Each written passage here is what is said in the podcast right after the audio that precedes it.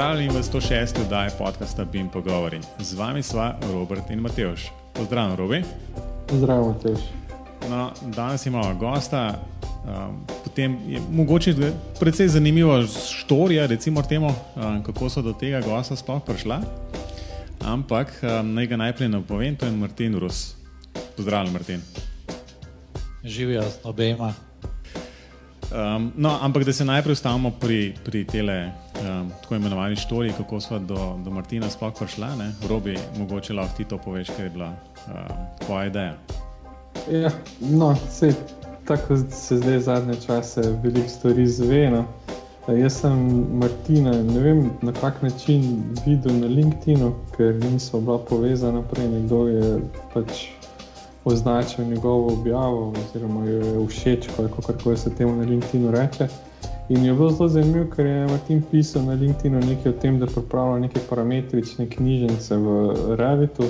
Pa me je pač začelo zanimati, ne, kaj to počne, ker običajno smo mi do vseh gostov tu poslušali, da, da take knjižnice pripravljajo te GDL objekte za Arhicad, za Revit je pa tega predvsem manj. In se mi je zanimivo, in potem sem rekel, da kaj, če bi mi dolgo malo povprašali, kako to počne, no in evo, zdaj, zdaj smo tu. No, ampak moram reči, da, da je bilo super z Martinom se to dogovoriti, ker je kar tako je rekel, ja, da ni bilo treba posebej neke masaže, um, počasi ga prepričevati, tako da je zelo pohvalen Martin. Ampak še bolj me pa preseneča to, da je Martin, če se prav spomnim, si rekel prvič, ko si se slišala da v bistvu nimaš ravno navade objavljati na LinkedIn-u. Ne, ne, mislim, da je bila to moja druga objava, kar sem sploh na LinkedIn-u objavil. In pol sem videl, naslednji dan uh, je bilo pač sporočilo na LinkedIn-u, sem malo pogledal, če je bilo kaj odzivu slučajno. In sem videl sporočilo, sem rekel, zihar spet neka reklama, nekdo nekaj pošilja. Temu se skoraj tako reče. Ja. ja. Po sem pa prebral, sem rekel, ok, zdaj pa nekaj drugega. Ne? Tako da, ja, malo sem razmislil, pa sem pa potrdil, se je kaj pa češ narediti. Ja, res, v bistvu zdaj to sem skoraj slišal kot um, reklama za LinkedIn. Um, skratka, če hočeš ja. na dim pogovore, prideš, kaj objavite na LinkedIn, pa všečkati morate tako, da bo robe videti to. Ne, ne, ne, morate kaj zanimivega objaviti. Ne, ampak to. je bilo pa res tako, ne, da prejšnjo oddajo smo govorili o tem generativnem načrtovanju. To parametrično je v bistvu modeliranje ravno v tem kontekstu, predvsej sovpada s tem. Ne. Tako da se mi zdi, da je to idealna tema za današnjo oddajo. Ampak predno pridemo do te glavne teme. Martin, te lahko prosim, da v parih stavkih, v parih stavkih poveš, um, kdo si, kaj počneš. Jaz uh, sem zaposlen v družinskem podjetju. Smo trije zaposleni, ukvarjamo se s projektiranjem več različnih vrst objektov, uh, od, in, od industrije do stanovanjskih objektov, poslovne stavbe, kakšna trgovina se tudi najde, kaj tasga. Uh, največ se ukvarjam z pripravo PZI načrtov, ki jih v tam nekaj 90 odstotkih izdelamo v Revitu. Predno smo začeli tole snemati, um, da nekaj prenavljate, dograjujete. A si te načrte tudi v Revitu zmodeliral? Uh, ja, ja. Pohvalno, vidiš, to, to, ja. to, to, to pa je.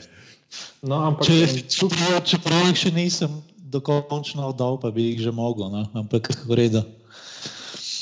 No, ampak tudi bi mogla mi, da se takoj za tem vprašati, kako to, da si pristal na revitu, zakaj je bilo, kaj, kaj je prevajati te odločitvi, da si se odločil in ostal na revitu. Je to samo pač uh, nadaljevanje uporabe AutoCAD, ali zakaj?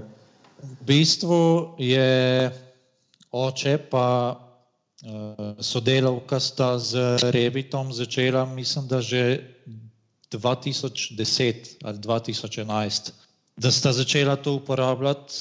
Potem sem pa jaz, ne vem, tekom študija sem tudi, ker sem uh, uspel, sem tudi pomagal v Miroju. Uh, tako da sem se počasi privajal na ta Revit, začel sem pa z AutoCAD-om. Ja. Tako mislim, da tudi vsak začne. No. A, vidiš, Matejš, pa je mogla njegovega očeta v bistvu tudi poiskati na LinkedIn-u, on je že od 2011 na Revitu. ja, zdaj, zdaj veš, kaj je problem. To, če oče posluša tale podcast, bo rekel, da to Martin, pa to pa nisi dobro povedal, v bistvu. zdaj bomo pa, bom pa malce padla. Um, ne, ampak je pa zanimivo. No. V bistvu lahko rečemo tudi, Martin, da si relativno svež iz teh študentskih vod. Um, tako da me v bistvu najprej, še predno se sploh dotaknemo knjižnic in parametričnega modeliranja in ne vem kaj, vse v bistvu zanima.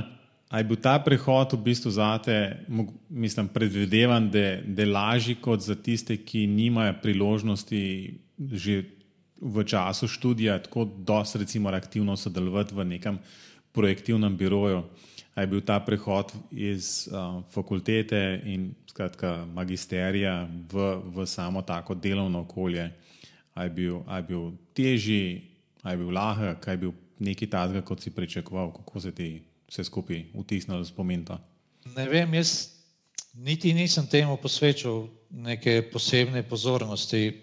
V bistvu sploh ne vem, na kakšen način se je to zgodilo, ker pač potekalo je, kdaj so bili tele, kdaj so bila izpitna obdobja, sem bil jaz zmeraj tam v službi, eh, med poletnimi počitnicami sem bil tudi skozi tam.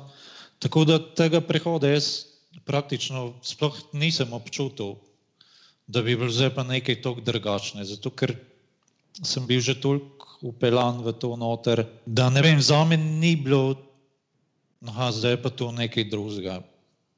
Enostavno sem šel pač naprej. To bi bilo, to bi bil skoraj idealen, idealen scenarij za, za vse tiste, ki končujejo študij, ne? da enostavno nadaljujejo z delom ali pa ne vem, saj jaz si tako predstavljam. No?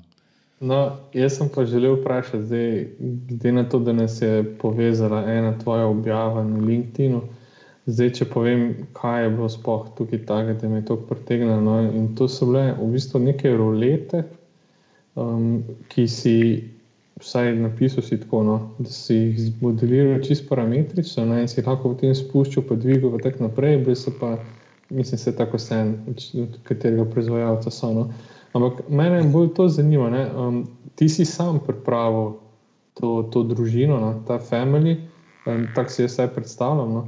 Ampak zakaj si to naredil? Si dobil to naročilo ali je bilo to pač postranski, to je postranski projekt?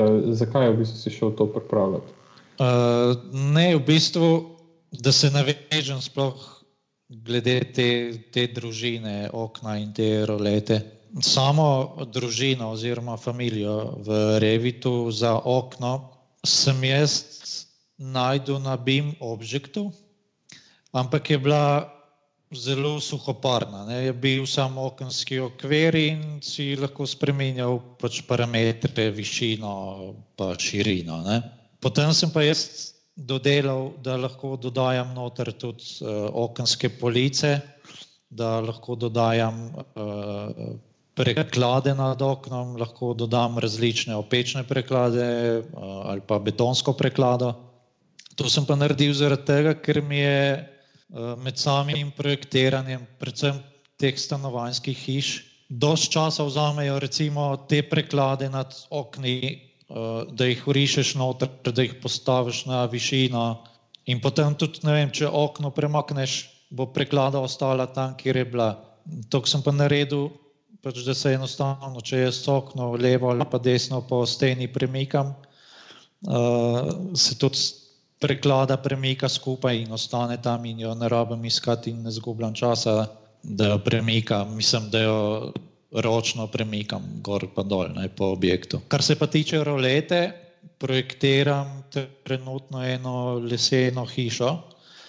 Pa tudi, če ne bi bila lesena, če bi bila vem, klasična, zidana ali pa da bi bila armirana betonska, bi jo v vsakem primeru mogel narediti. Mi je bilo pa tudi sem iskal te rolete po BIM Objectu, pa Revit, pa te spletne strani, ker se te družine nahajajo. Ampak ni bilo nobene takšne, ko bi meni prav prišla in imam potem več dela s tem, da jaz še neke detaljčke rišem tam zraven teh rolet. Zato sem raje naredil, sem poiskal pač tega proizvajalca, ko je slovenski proizvajalec. Uh, ker bojo najverjetneje te rolete tudi dejansko uporabljene v sami izvedbi te hiše. In potem sem pač enostavno vzel detajle iz DVG, jih prenesel v Revit, parametriziral sem vse skupaj, tako da lahko kontroliram odmike od uh, notranjega dela zidu, pa debelino izolacije okrog te škatle od rolet samo premikanje rolete, gor pa dol, pa glede same projektne dokumentacije eh, v PZI-ju nima nobene veze. Eh, mi je pa fajn, ker lahko eh, med, vizu, med vizualizacijo objekta lahko jaz vsako okno malo drugače renderiram. Ena roleta je spuščena, ena je dvignjena, ena je do polovice spuščena. Tako da to je bolj neko igranje bilo še s tem, da se roleta spušča pa dviguje. Ne. Ja, se ponovadi se take stvari začnejo z nekega entuzijazma, ampak pa na koncu pa gotovi, da v bistvu že vsi to kar mal pričakujejo. Zdaj, drugo vprašanje, ko sem ga smel, no, je to zanimivo, mi je, da si se sam tega lotil. No, jaz bi to bolj pričakoval, da bi se arhitekti tega lotili, ker za gradbenike običajno ni ni značilno, da se ukvarjajo z roletami. Pa bolj prekladno bi rekel, ja, rolete pa ravno ne. No. Jaz v bistvu rešim kompletne pazi načrte. Se pravi, dobim projekt ali pa tudi že za gradbeno dovoljenje pripravljam, tudi risbe lahko. Ne. Tako da jaz tudi vse te detajle potem obravnavam. Za stanovanske hiše zračunam tudi statiko in naredim tudi armaturne načrte potem. Tako da v bistvu, ker smo samo trije zaposleni, enostavno moram narediti kompletno zadevo. Čez razumljivo. Ampak mogoče, mogoče eno vprašanje, ki se tem poraja, je, zdaj, a si, a si, imel, si se sodeloval v bistvu s tem slovenskim proizvajalcem rolet, si jim to predstavil vsaj, ali pa v bistvu jih seznano s tem, da zdaj to dejansko imajo, ali, ali je v bistvu namen to kakorkoli objaviti, oziroma jim dati, pa da se to objavi na BIM Objects ali kaj podobnega, ali je v bistvu trenutno še zmeraj nekje v fazi, da ti pač um, si tole sparimetriziral, imaš, pa ni še nekih detajlov, oziroma ni nekih načrtov konkretnih, um, kako s tem naprej. Ne, jaz jih nisem direktno kontaktiral, ampak imajo, oni imajo na spletni strani te detajle tudi v CAD formatu. Tako da sem enostavno tam detajl vzel in ga prenesel not v Revit. Ne. Za podjetje sem naredil na Facebooku eh, stran, pa sem tudi objavil tam gor. Sem pa označil tega proizvajalca, ampak ni bilo pa nobenega. Uh, ni bilo nobenega odziva. Okay. Nobenega odziva ni bilo. Ja. Uh, nisem pa še nič, da bi jaz probil stopiti tudi neposredno v kontakt z njimi, ker trenutno ne utegnem. Uh, bi bila pa to ena mislim, da bi bila to dobra priložnost, no? ker teh slovenskih proizvajalcev, recimo za okna, pa tudi te rolete, pa vhodna vrata, uh, imamo pri nas kar precej, uh, ni pa nikjer noben prisoten. Pa mislim, da bi bila to dobra marketinška poteza tudi za podjetja, recimo, ne, ki se s takimi stvarmi ukvarjajo. Hotel sem vprašati, no, da glede na to, da, da izhajaš iz enega takega majhnega družinskega podjetja, ko je v bistvu velikost bolj kot neznačilna za Slovenijo. Me zanima, če lahko oceniš, kje smo zdaj mi s tem BIM-om. A je že to uporabno, ali ni, ali je to odvisno od vsakega posameznika, ali kako je s tem? Jaz bi rekel, da je predvsem odvisno od vsakega posameznika. Je pa ena stvar, da bi mogli biti o tem tudi malo bolj informirani eh, investitorji. Ne? Ker če, zdaj, če gledamo samo BIM, ok, začne se s tem projektiranjem, ampak če gremo potem tudi v modele, ki se uporabljajo potem v samem vzdrževanju objektov, je pa to še ena neka dodatna vrednost. Ampak, kot sem povedal, pač investitorji mislim, da še niso dovolj podučeni, vsaj velika večina, ne. mogoče ta večja podjetja uh, so že dosti informirana o tem. Ne. Eno pod vprašanje še. Uh, rekel si, da se največ ukvarjaš z izdelavo PZI načrtov. Katere formate pa ti dobiš, da jih lahko uporabiš potem za izdelavo PZI? Kaj dobiš iz faze PGD, oziroma zdaj se reče DVD, kako se že reče? Ne? A tu dobiš neke AutoCAD podloge, ali dobiš že kaj v Revitu, ali, ali kako je s tem, kaj dobiš v roke, s čim delaš? Uh, ja, se pri nas naredimo uh, objekt od začetne faze, se pravi od IDZ-ja preko DGD-ja za pridobitev gradbenega dovoljenja, pa potem v PZI in tudi v PIT. Vsaj večina projektov, ki jih naredimo, gredo po enem takem postopku. Eh, včasih se dobijo tudi, mogoče če kdo drug naredi idejno zasnovo, pa večinoma se dobijo potem formati v DVG-ju. Ja, to je mogoče lahko rečemo, skratka, malo specifično mogoče za vaš primer, ne, da, da dejansko te stvari delate praktično od začetka skozi vse te faze in jasno, verjetno potem pač revit imate od začetka do konca. Ne. Ja, mi ga uporabljamo že v idejni zasnovi, že zaradi tega, ker je treba pogledati samo osončenost, zasnujejo se sami volumni stavbe, kako približno na kakšen način bo izgledala. Tako da Revit uporabljamo tudi za teleanalize osončenosti eh, in potem pač model sam nadgrajujemo še naprej do končne faze v PZI-ju. Pa si mogoče, mogoče zdaj, ne vem, skratka, ti si vstopil v, v to projektiranje že v fazi, ko um, si praktično z revitom delal, ne? ampak mogoče, mogoče imaš kakšne izkušnje. No? Če je to nek naročnik, pa v bistvu nima, nima jasne predstave, v bistvu, skratka, ga ne zanima BIM, ga ne zanima to in ono. Ne? Ampak na koncu koncev tudi idejne zasnove vsi te modeli, ki jih naredite, v bistvu, a jih zanimajo neke vizualizacije, a jih zanimajo v bistvu te stvari, potem ko vidijo enkrat, da je to možno, kaj ta zgod dobiti, a so kaj bolj zainteresirani za to zgodbo, v bistvu Bima in mogoče dobijo kakšno idejo, kaj bi s tem naknadno počeli lahko, ali je to v bistvu enostavno kot um, nek stranski produkt vsega tega, ki ki pač nima neke, neke vrednosti, saj za, za investitorja um, v, v neko prihodnost. Ne? Ja, za investitorja mislim, da je to nek stranski produkt, produkt čeprav, um, kar se tiče teh recimo, analize osončenja, uh, večino ljudi zanima, sploh pred stanovanjskih stavbah, jih zanima, kako bo to izgledalo, ali bo imel on sonce ob določenem času noter, ali ga ne bo imel, ali, vem, ali bo polet prihajalo do pregrevanja zaradi tega, ker mu bo sonce sjalo direktno v okno. Pa tudi so, ki vizualizacijo zmeraj naredimo za vsak projekt. O tem je stranka tudi prej obveščena, tako da te stvari pričakujejo, ampak probamo z pri vsakem projektu še dodati neko novo vrednost.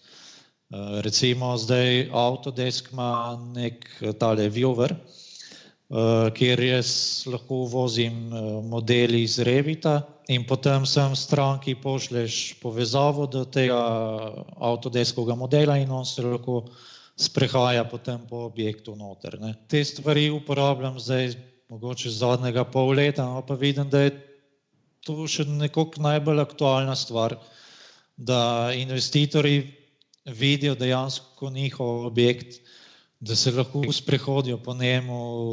Ja, se je zanimivo, zanimivo v bistvu, no, to, da mislim, presen, mene osebno preseneča, da me preseneča, da, da, da, da investitorji ne vidijo ali pa bodoči lastniki tega, če gre za kakšno eno družinske hiše, kaj podobnega, ne vidijo neke dodane vrednosti ali pa priložnosti za uporabe tega. Se mi zdi, da v mnogih drugih primerih, naprimer, kot zanimivost. Ne? Samo zadnji sem gledal en video, pa je en predstavljal neko barko.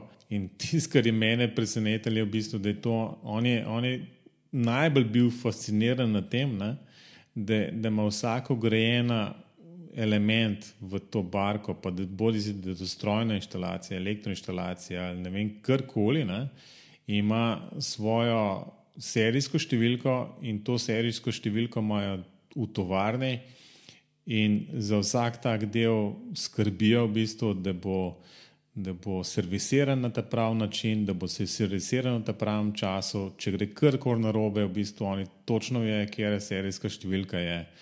Um, skratka, je, so te proizvajalci teh končnih produktov prevzeli na sebe to delo, v bistvu, recimo, enega, enega um, upravljanja um, s tem, um, tudi po recimo, nakupu ali prodaji, kako koli um, to rečeš. Tle, tle v gradbeništvu, kjer je pa recimo zadeva bolj ali manj enako kompleksna, um, samo če pogledaš, koliko enih instalacij tukaj noter, koliko enih um, strojnih stvari imamo. Ne, Potem imaš pač neko zbirko nekih fasciklov, kjer imaš neke garancije, pa neke, neke navodila za uporabo, za katera moraš ti skrbeti, in v bistvu na koncu ne veš, kje to imaš, glih takrat, ko najbolj rabiš.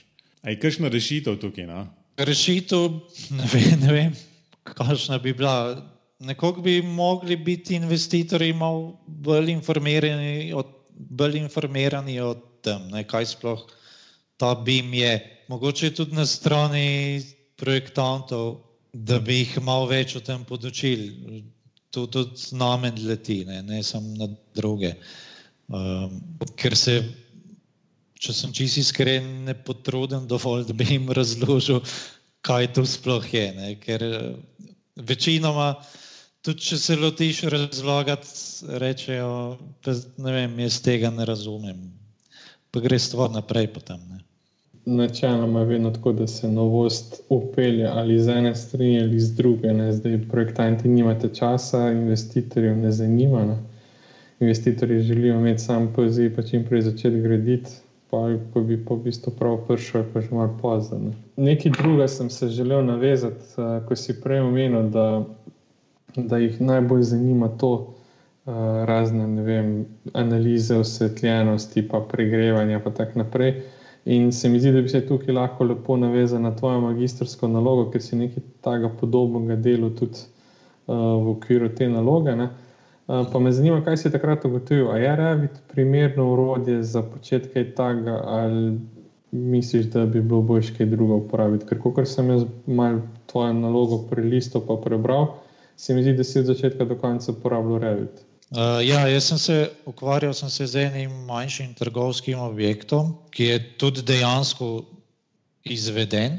Uh, takrat, ko sem jaz delal to magistrsko nalogo, bil, smo tudi pripravljali, isti čas so se pripravljali tudi načrti za ta trgovski objekt, čeprav teh mojih raziskav oziroma te, kar sem jaz dognal s to magistrsko nalogo, uh, teh stvari nismo upoštevali noter, ker je bilo pač prepozno za karkoli tazga, pa tudi mogoče malo uh, nerealno. No. Ampak, kar se tiče samega Revita, je še precej podhranjen, da bi dejansko nekaj oprijemljivega lahko dobili iz tega ven. Tudi zaradi tega, ker recimo za svoje izračune, za energetske analize, uporablja ameriške standarde, vsaj kot sem se jaz takrat pozanimal, ni možno, da bi te izračune prilagodili našim standardom. Ne.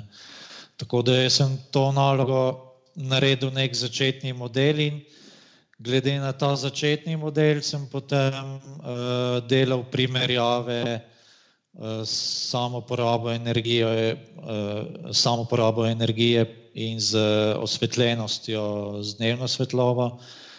Tako da smo sam procentualno primerjali, ne vem, če smo povečali za steklitev, kaj se zgodi glede na ti začetni model, ali pa če smo za steklitev zmanjšali, kakšen vpliv ima na ti začetni model. Uh, za neke take preliminarne študije, mislim, da je stvar uporabna. No. Zakaj več za, recimo, za izdelavo, ja, za kakšne energetske izkaznice ali pa za to uporabo energije v stavbah, ki jo moramo dodati projektni dokumentaciji za te stvari, to enostavno ni uporabno, ker nimamo kaj izvoziti tudi ven iz tega. In glede tega bi bilo treba še konkretno nekaj narediti, ampak verjetno se s tem ne bo noben ukvarjal, vsaj še nekaj časa ne. No. No, meni se zdi to zelo odkrit odgovor, lahko bi ti zdaj rekel, da je to super, pa tako naprej. Pa ti mi do niti ne bi nič rekla, ker če se s tem ukvarjaš, veš od najo. Ampak ja, no, um, se strinjam, ja, večinoma je to uporabno v tistih prvih fazah, ampak mogoče zdaj še eno pod vprašanje, glede na to, da se vi s tem ukvarjate v firmi, ne, tudi z začetnimi fazami projekta, koliko takih analiz se pa naredi, koliko imate časa, da takih analiz naredite? Ja, časa nimamo, ne vem, koliko, da bi se s, s tem res ogromno ukvarjali. Uh, naredi se neka idejna zasnova, recimo dva ali pa tri različni primeri, potem se malo te stvari primerjajo med sabo, pa se potem nekako skupaj z investitorjem odločimo, v katero smer bi zapeljali še skupaj. Ne? Ja, naš tole je sicer bil eh, pogovor o parametričnem modeliranju. Tako da um, ena stvar, ki se mi zdi, da smo pozabili na to temo reči, je v bistvu, se skratka vračamo nazaj na. na Na, na tiste rolete. Koliko časa ti je vzelo to, da si to sploh pripravil? posledično, ali si to splačal? Če se je splačal, vam še ne morem reči, ampak jaz mislim, da se je. Uh, vzelo mi je pa, glede na to, da sem šel čisto od začetka, pa da sem se še precej lovil, mi je vzelo recimo en dan pa pol dela. Recimo. No, jaz sem se bal, da boš rekel 14 dni. Ampak, ne, ne, ne. ne. no, v mojem primeru bi bilo najbrž to 14 dni veljalo ampak ok, pustimo zdaj to. Ja, ampak to je zato, ker bi ti prvi teden dni revili gor na lago, ja. ker ga ne moreš. Absolutno. um, ne, je, je pa, mislim, meni men se zdi to dobra, kakorkoli rečeš ali pa obrneš, je v bistvu dobra reklama. Um, v smislu in, in, stališča, in stališča tega, da, da v bistvu odločitve, prvič, da se takšne, najbrž bom tako rekel, ne, najbrž um, ta družina ni, recimo, popolna ta trenutek. Ne. Dal bi se najbrž kaj izboljšati, ampak trenutno najbrž je dovolj kvalitetno narejena, da tebi osebno ustreza. Um, in da podpira jasnost tiste stvari, ki bi jih pač želel videti, želel sprobati, oziroma pač potreb, po potrebah neke vizualizacije in kaj podobnega. No, ampak hočem to reči, ne, da, da super je, da je to dejansko samo en dan. Ne. Vse je to velik prihranek potem v vseh bodočih projektih. Osebno upam, da bojo tudi sami proizvajalci tažnih in drugačnih um, gradbenih, gradbene opreme v bistvu spoznali to in eh, začeli aktivno delati v tej smeri, da bodo um, pripravili sami takšne um, elemente. In ne samo jasno v tem primeru za revit, ampak tudi za vse ostale, in, in jih pač to nekako dal ponudili, in je to tako ponudba, um, oziroma pač to neka, neka dodana vrednost. Um, tako kot je pač zdaj, kot si omenil, se, se da dobiti tehnične načrte, oziroma pač dobiti načrte tehnične specifikacije za konkretno rolete, na podlagi katerih si to družina pripravila. Tako da bom rekel, da je zelo, zelo pozitivno, še posebej, pač, um, če si še malo lovil, ne, kar pomeni, da naslednjič boš to naredil v pol dneva. Ja, sej največji problem za stavci moraš, ok, katere stvari bom jaz potreboval nadaljne. Ne. Sej, tu ne poteka tako, da jaz naredim aha, zdaj bom poiskal te detajle, jih bom zmetel noter, vnesel not parametre in bo ta stvar funkcionirala daleč od tega. Ne. Uh, jaz nekaj sem naredil, sem vnesel noter, ok, da bom risal naprej, pa sem videl, aha, še ne vem, nek odmik moram nastaviti, da bo to funkcioniralo tudi naprej. Ne. No, vse to je, to je bilo eno dodatno vprašanje. Ne. Vidim, da je bilo zadeva tako bolj nenačrtno delana. Ne. Ja. Um, ampak je bilo pač tako, kot si, kot si skozi delo samo, um, samo projektirane, potreboval si to pač dograjeval in popravljal in, in dodajal nove parametre in tako naprej. Ne. Ampak A bi zdaj na, pač na podlagi teh izkušenj znal postaviti neko tak proces, recimo nekdo ti pride zdaj le, jasno, ne vem. Zdaj bo vem, 100 tisoč ljudi poslušalo tale podcast, bo reklo, o Martin pa tole obvlada. Ne? In zdaj te bojo zasul z ponudbami za, za dodatne revit knjižnice, revit družine, elementov, takšnih in drugačnih. Jaz pričakujem, da bo pač se spomnil, da se bo spomnil na naj, tudi včasih. Ne? Ampak v bistvu bi znal zdaj le tako nastaviti nek tak bolj strukturiran proces, um, kako neko tako družino razviti. Če bi imel. Recimo en teden časa zdaj, pa da bi se sam s tem ukvarjal, pa mislim, da bi se dalo že kar precej dosti narediti na, na tem. No, to te bova izvala, to, to te izzivava v bistvu s tem, da, da, da, da za tvojo naslednjo objavo na, na, na LinkedIn-u pripraviš tako za vse ostale, ki jih te zanima, tako step by step instructions for designing Revit families. Uh, uh, ne, ker je zanimivo, v bistvu, recimo, jaz pač to ne delam, ne vem, ne vem kje naj se lotam sploh, kje so tiste glavne pasti takšnega načrtovanja. Že to bi bilo v bistvu, ne, da da, da imaš pač nek tak lep, relativno preprost sistem, kako temu slediti, in veš, da v drugem koraku moram pa tole narediti, običajno so pa takšne, pa takšne težave. Ali pa naprej moram misliti, v kakšnem merih, v kakšnih merilih bom to imel, ali ne vem, karkoli takšnega. Ne? Ja, se uh, mogoče tu sem tudi imel namen povedati. No?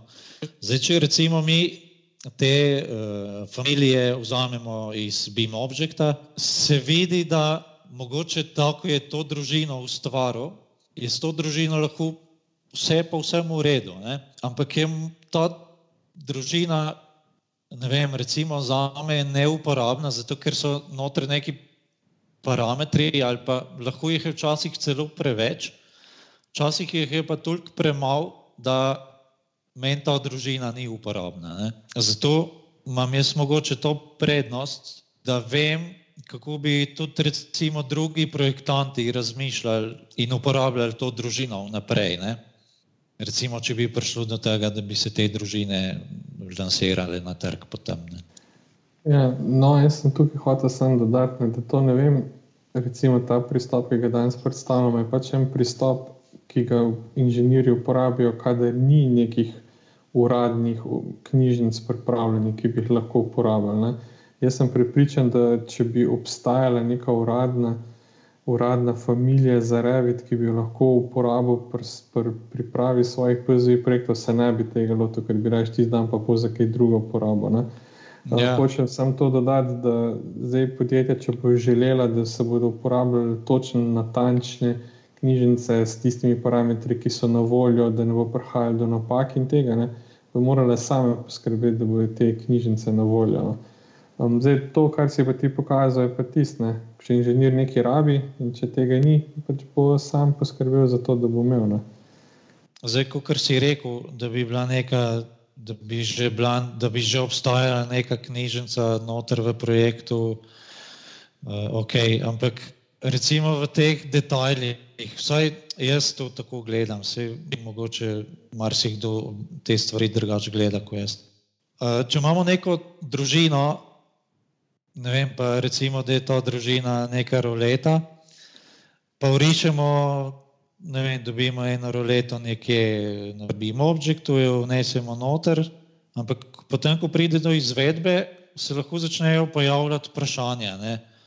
Aha, zdaj pa ti si narisal takšno roleto, proizvajalec ima tako roleto, zdaj pa tu ne gre noter, pa z okni ne gre skupaj, ne vem, so odprtine premajhne gor dol. Zaradi tega jaz tudi mogoče težim k temu, da vsaj poskušam narediti čim bolj natančno družino, ki bo potem tudi dejansko uporabljena v, v sami izvedbi objekta. Ne? Ja, vse je po, popolnoma razumljivo. Ne? Oziroma, pač, če, če nekaj generičnega uporabiš, um, to načeloma ali moraš vedeti, da je to nekaj generičnega in v bistvu ne računati na to, da, da, se, moraš, da se lahko potem držiš nekih res natančnih stvari, ampak moraš potem konec koncev spet gledati v, v tehnično specifikacijo tistega konkretnega izdelka, ki ga boš na koncu greval. Tako da, če, če imaš pa te stvari jasno že v samem modelu um, urejene in pravilne, um, potem je pač najbrž, um, vsaj za izvedbo, precej lažje, oziroma ne bi bilo manj napak posledično. Ne? Ja, neč, v bistvu, da imamo predolgi, robi ima še kakšno tako skrivno vprašanje okoli parametričnega modeliranja. Uh, ma, v bistvu nimam, je, je že danes mi odgovoril na vse, kar sem želel vprašati. Jaz bi se še enkrat podaril, ne, da se mi zdi ta današnji pogovor ne predcenjuje tudi stališča enega upogleda v to, kaj se v praksi dogaja. In v bistvu sem zelo vesel, da obstajajo tudi tako manjša podjetja, ki so dejansko že čisto prešla na en, en tak delotok, ki vključuje bolj kot ne samo BIM urodja. In jaz upam, da bo tega če dalje več. No, in še bolj upam to, da bo če dalje več kvalitetnih projektov narejenih zaradi uporabe takih urodij. Ja, skratka, jaz pa upam, da bo Martin napisal um, objavo na LinkedIn-u. Um, kako, kako, se, kako se tega lotiti. No, ampak, um, je heca, um, Martin, kje te lahko poslušalci najdejo, da te vprašajo, kje končno lahko dobijo tole revit um, družina. Ta družina se trenutno nahaja na mojem računalniku. No, ampak lahko ti pa kakšen mail pošlje ali kaj podobnega, ne? ali pa te po LinkedIn-u v bistvu um, kontaktirajo. Ne? Lahko, komod, ampak prej ne bom dal ven, dokler ne bom jaz zadovoljen z njo. Uh, pa smo tam, ker gradbeniki nočejo deliti informacij z drugimi. Ne, ne, ne, ne da nočemo. Provociram, noč... no, nočem deliti neke na pol narejene stvari. Ne. Ja, Noč, jaz, jaz vidim, da bi lahko to stvar še malo dodelati, da bom jaz zadovoljen. In potem, ko bom jaz s tem zadovoljen, potem, bo, potem pa lahko tudi delim to s kom, tu pa ni noben problem. Ne? Bom tako rekel, ne. mislim, to, to je bilo jasno, v hecu mišljen, Martin, da naš narobe razumel, ker še enkrat bi rad rekel, si bil takoj za to, ne, da, da tukaj kaj poveš in da predstaviš in kaj si delal in kaj delate, in v bistvu kako je s tem sploh uh, parametričnim modeliranjem in s to družino, in tako naprej. Tako da um, jaz bom zapiske dal um, tvoj LinkedIn um, in potem upamo, da se doglasi, morda tudi proizvajalci dotične, um, dotičnih rolet um, z, veliki, z velikim čekom oziroma tim bo sam ter razporočal, pa bo vse vse. Um, Robi, kam pa lahko te pišejo poslušalci? Najbolj zapišem, kar ne bi pogovor, da ne bom jaz čist imel zabasen, ga imel boxing. Tako da, da to tudi jaz dobim. Tako. Um, ja, absolutno pozdravljam vsakršen komentar, morda tudi, če, če poslušalci lahko delijo kakšne izkušnje, kako oni vidijo to povezavo, revit in uh, razno razne analize osončanja in podobnih zgodb. Tako da morda spoznamo, da so ta urodja napredovala, lahko vidimo, ali pa mogoče spoznamo, da, da je še veliko dela potrebnega, da se jih pripele do, do ene stopne, ki bi bile res uporabne tudi za takšne hitre ocene in tako naprej.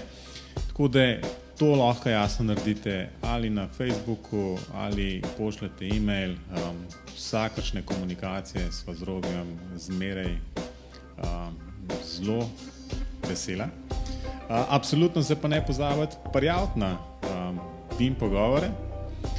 In pa jasno, to BIM pogovori se tudi na YouTubu, tako da tam prosim, uh, subscribe in tako naprej. Ne.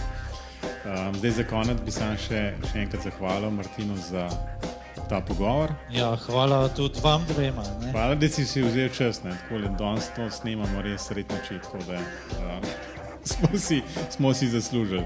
Nič hudega, tu ni nobena težava, bila še nikoli. Um, ja, pa veliko uspeha, pa um, da bo čim prej končana tvoje um, prenove oziroma dograditve. Ja, hvala. Upam, da bo naslednji mesec. No. Vsaj zaenkrat tako kaže, da, da bo šlo. Um, ja, no, super. Um, tako da to je vse za tole 106. oddajo. Uh, slišmo se spet čez 14 dni, do takrat pa vsem lep pozdrav, Robi in Martin. Adijo. Ja. Adijo.